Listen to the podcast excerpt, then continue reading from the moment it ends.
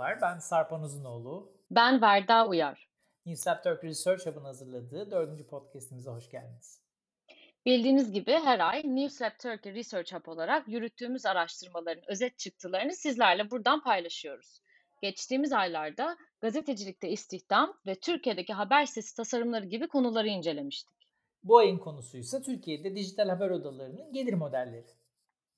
Dijital haber platformlarının nasıl para kazandığı aslında önemli olmasına rağmen az çalışılan bir konu.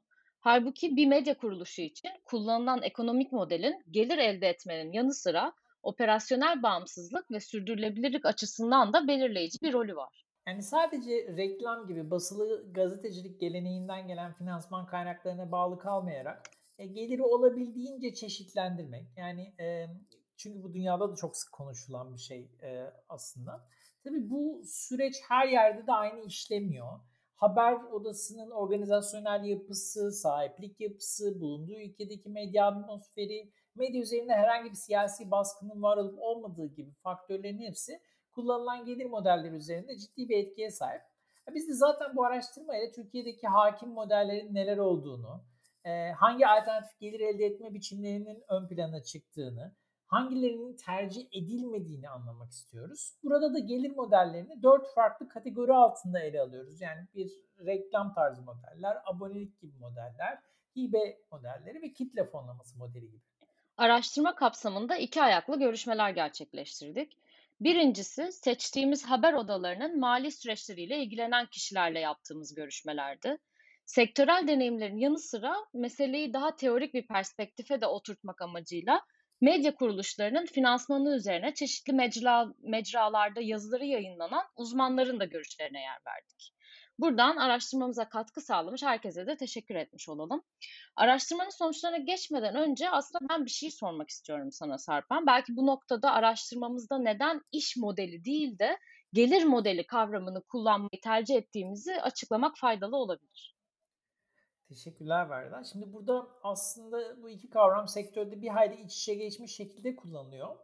bu sebeple raporda bu iki kavramı kavramsal olarak ayırarak başlamak bizim açımızdan mühimdi.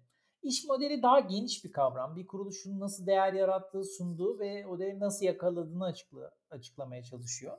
Biz ise iş modelini oluşturan bileşenlerden yalnızca biri olan gelir modellerine odaklandık hangi gelir kaynağına öncelik verildiği, okuyucuya bir hizmetin ya da ürünün nasıl sunulduğu ve değerin nasıl belirlendiği gibi sorular aslında tam da bu kavramla ilgili. Tabii bu modeller de zaman içerisinde değişiyor aslında. Yani internet haberciliğindeki yaygın yaklaşım uzun bir süredir İnternet kullanıcısına haberleri ücretsiz sunmak ve geliri reklamlar üzerinden elde etmekti. Ancak reklam gelirlerinin profesyonel haber üretimini finanse etmede yetersiz kaldığı ve özellikle bağımsız gazetelerin devamlılığı için abonelik gibi okur odaklı modellere yöneldiği görülebiliyor. Tabii burada aslında okurun demografisine dair de analizi iyi kurmak gerekiyor. Kesinlikle. Ee, okur analitiğinin önemi aslında son yıllarda daha iyi anlaşılmış yani görüşmelerden çıkardığımız bu. Görüştüğümüz temsilciler kuruluş aşamasında bir pazar araştırması yaparak gelir modellerine karar vermedilerse de mevcut e, durumda hedef kitle odaklı stratejiler geliştirdiklerini söylüyorlar. Bu aslında iki sebeple önemli. Birincisi okuyucu platforma daha çok e, bağlanabilir bu şekilde böyle yani okuyucunun datasına odaklanarak karar alınırsa. İkincisi de okuyucunun haber içeriklerine maddi karşılığı bulunan bir ürün olarak yaklaşmasını sağlamak. Yani buna ihtiyacım var ve bunu almalıyım demesini sağlamak okuyucu. Tabii bununla ilgili ifade edilen görüşler epey çeşitli. Kimi buna internet sitesine gelen ziyaretçi sayısı, sosyal medya platformlarındaki takipçi ve etkileşim sayısı gibi göstergeler üzerinden yaklaşıyorlar. Yani biz buralarda belirli bir başarıyı yakaladık. Yani aslında okuyucuya istediğini veriyoruz gibi bir okuma var orada.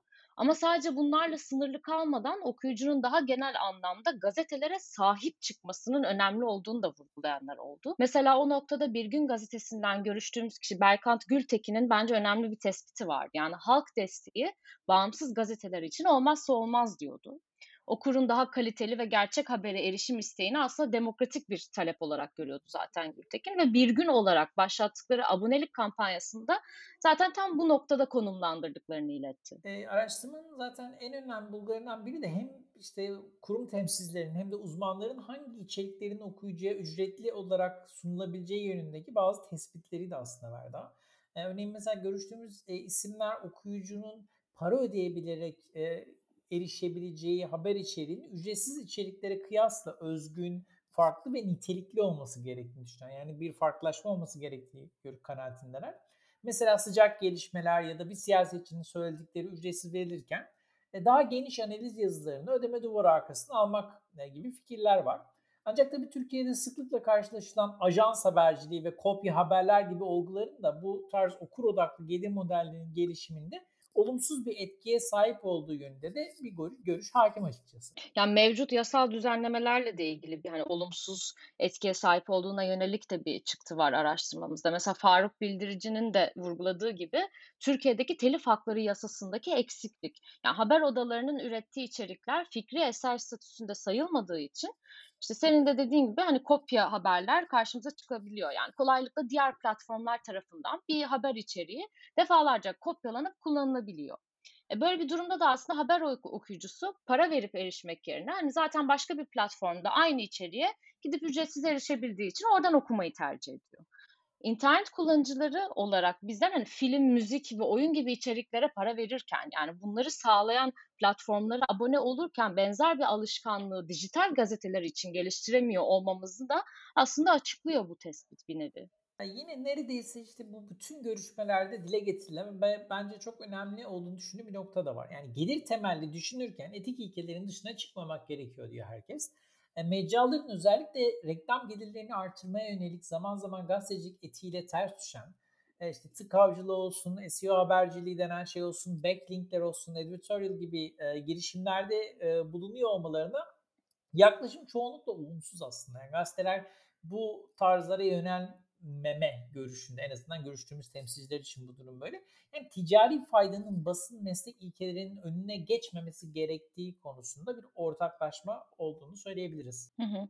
Yani reklam demişken zaten mevcut reklam piyasasının dijital haber endüstrisini hem etik hem içeriksel olarak bu kadar etkileyebiliyor olması aslında endişe verici bir şey. Ya görüşmecilerimizin e, hemen hepsi zaten dijital reklam bağlamında Google AdSense ya da benzeri bir e, programatik reklam hizmetinden yararlandıklarını söylüyorlar. Hatta kurumlarda genellikle hem otomatik hem de varsa özel reklam satışıyla ilgilenen ayrı departmanlar var. Yani e, tabii reklam gelirleri, reklam verenin o anki arzı ve haber sitesine gelen trafiğin boyutu gibi çok sayıda parametreye de bağlı öyle. Yani herkes taktiğe ciddi para elde edecek diye bir şey yok. E, daha fazla reklam hacmi oluşturmak için olabildiğince çok içerik girilsin. E, daha çok tıklanılsın gibi bir e, baskının da varlığından söz edilebilir tabii böyle bir durumda. Ama örneğin hem Gazete Duvar'dan Fırat Özdemir'in hem de Sözcü'den Reha Boşoğlu'nun yurt dışı örneklerle kıyaslandığında Türkiye'de reklam frekansının yüksekliğine rağmen gelen kullanıcıdan elde edilen gelirin çok düşük olduğuna yönelik ortak tespitleri var mesela. Tabii temsilciler her yerde reklam almamaya ve özellikle ticari olarak faaliyetlerini etik bulmadıkları firmaların reklamlarına ya da yasal olmayan reklam içeriklerine platformlarda yer vermemeye dikkat ettiklerini de söylüyorlar. Yani reklam gelirlerine bağlılığın tabii editoryal bağımsızlık kaygısıyla ilgili bir boyutu da var. Yani ne kadar dijital haber platformları için hacmi düşüyor olsa da reklamların tüm gelir kalemleri içerisinde ağırlığı hala çok yüksek e, kaygı dedim. Yani bunlar ne mesela? Hani reklam verenlerin kimi zaman içeriye müdahale edebildiği ya da kurumların yayın çizgisine göre reklam verdiği ya da işte e, yayın çizgisine göre ya da siyasi görüşüne göre haber kuruluşunun reklam vermeyi kestiği veya vermediği gibi bir durum da var sonuçta ortada. E, bu sebeple özellikle bağımsız medyanın sürdürülebilirliği ve editoryal bağımsızlığını koruyabilmesi için ekonomik bağımsızlığının da bulunması gerektiğine yönelik ciddi bir çıkarım var bence. E, reklam gelirlerine de nasıl alternatifler buluyorlar bu noktada? İşte mesela kitlesel fonlama, hibe programları vesaire. Ne kitlesel fonlama ne de hibe programlarına ilişkin aslında ortak bir görüşten yani ortak bakış açısından da bahsetmek mümkün değil. Mesela işte Patreon, Kickstarter, Fongogo gibi ya da tek seferlik ya da düzenli bağış üzerine kurulu sistemler kim mecra için ciddi birer gelir damarı gibi görülüyor. Ve çok çok büyük paralardan tabii bahsetmiyoruz ama birçok kurum ve gazeteci için bu yapılan işin değerinin de göstergesi haline gelmiş durumda. Mesela bir dayanışma kültürü oluşturması açısından da önemli bir şey bu. Ama e, uzmanların görüşü tabii sürdürülebilir bir yöntem olmadığı gerekçesiyle bu konuda biraz daha mesafeli bu kitle fonlama ve hibe programları ile ilgili. Evet, yani uzmanların hibe programlarına yaklaşımı da aynı şekildeydi aslında. Orada da mesela özellikle bağımsız yayınların hibe programlarından yararlanarak para kazanmalarına ilişkin tutumlarını belirleyen önemli bir kriter vardı. Diyorlardı ki hibe desteği veren kurumun ideolojik uzantısı haline gelinmemesi gerekiyor. Yine de platform temsilcileri kendi deneyimlerinden yola çıkarak kitlesel fonlamada olduğu gibi bu hibe programlarının da asıl gelir kalemi olmaktan ziyade bir kurtarıcı görevi üstlenebileceğini, mesela ne diyeyim eğitim çalışmaları gibi giderleri finanse etmede kullanılabileceğini söylüyorlar. Ama tabii konu hibe programları olunca elbette hani bu paraların nereden geldiği, bu programlar hak edene veriliyor mu, adil dağıtılıp dağıtılmadığı gibi endişeler de sıklıkla dile getirildi. Ya tabii raporda bundan çok daha fazlası da var ama biliyorsun podcast'i biz daha rapor tanıtmak için yapıyoruz. Ben şöyle bir sonuçları toparlamadan evvel e, şu raporla ilgili özel bir şey söyleyeyim. Yani biz bu raporu ileride yapacağımız çalışmalar için bir referans olarak görüyoruz. Zaten tüm raporlarımız böyle. Bu yarı akademik diyebileceğimiz yani yöntemi akademik, e, yarı akademik olan bir raporlama tarzı zaten bizim sahip olduğumuz. Ve yapmak istediğimiz şey yani sektör içinde, akademideki meslektaşlarımız içinde bir şekilde bir kaynak yaratmak. Ee, yani kesin sonuçlara ulaştık ve bu alanın tamamını anlatan bir şey yaptık diyemeyiz. Zaten çok kısıtlı bir zamanda çalışıyoruz sen de biliyorsun küçük bir parçanın röntgenini çektik e, diyelim. E, gördüğümüz kadarıyla her şeyden önce bir e, ürün olarak haberle ilgili kafalar karışık. Yani habere okurun ya da izleyicinin gözünde bir değer atfedilebilmesi için ne yapılabileceği konusunda çok farklı fikirler var.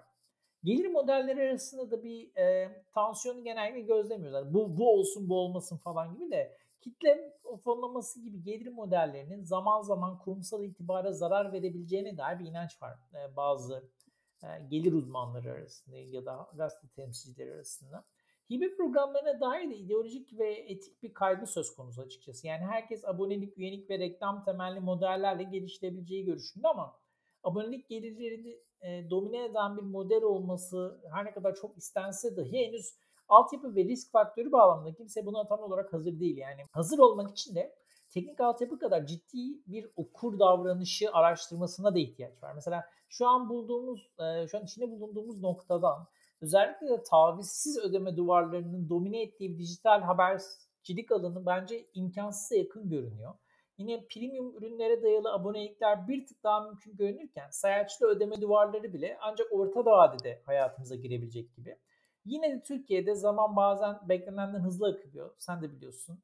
Bunlar bizim öngörülerimizden ibaret. Yani umuyorum ki zaman bizi yanıltır ve sürdürülebilir ve bağımsızlığın önünü açan daha fazla modelden, özellikle abonelik ve doğrudan gelirle ilgili modellerden bahsediyorum bahsedebiliriz yakın bir gelecek içerisinde. Bizi dinlediğiniz için teşekkür ederiz. Bildiğiniz gibi bu podcast'te raporun küçücük bir özetini sığdırabildik. O yüzden dilerseniz raporun tamamına web sitemizden ulaşabilirsiniz. E, raporla ilgili bir sorunuz da varsa sarpan.newslabturkey.org ya da verda.newslabturkey.org adresleri üzerinden direkt çok bize iletebilirsiniz. Verda. Önümüzdeki ee, ay yeni raporumuzun çıktılarıyla tekrar karşınızda olacağız. Podcast'in ilgi görüyor olması beni çok sevindiriyor. Ee, hepiniz kendinize çok iyi bakın. Hoşçakalın.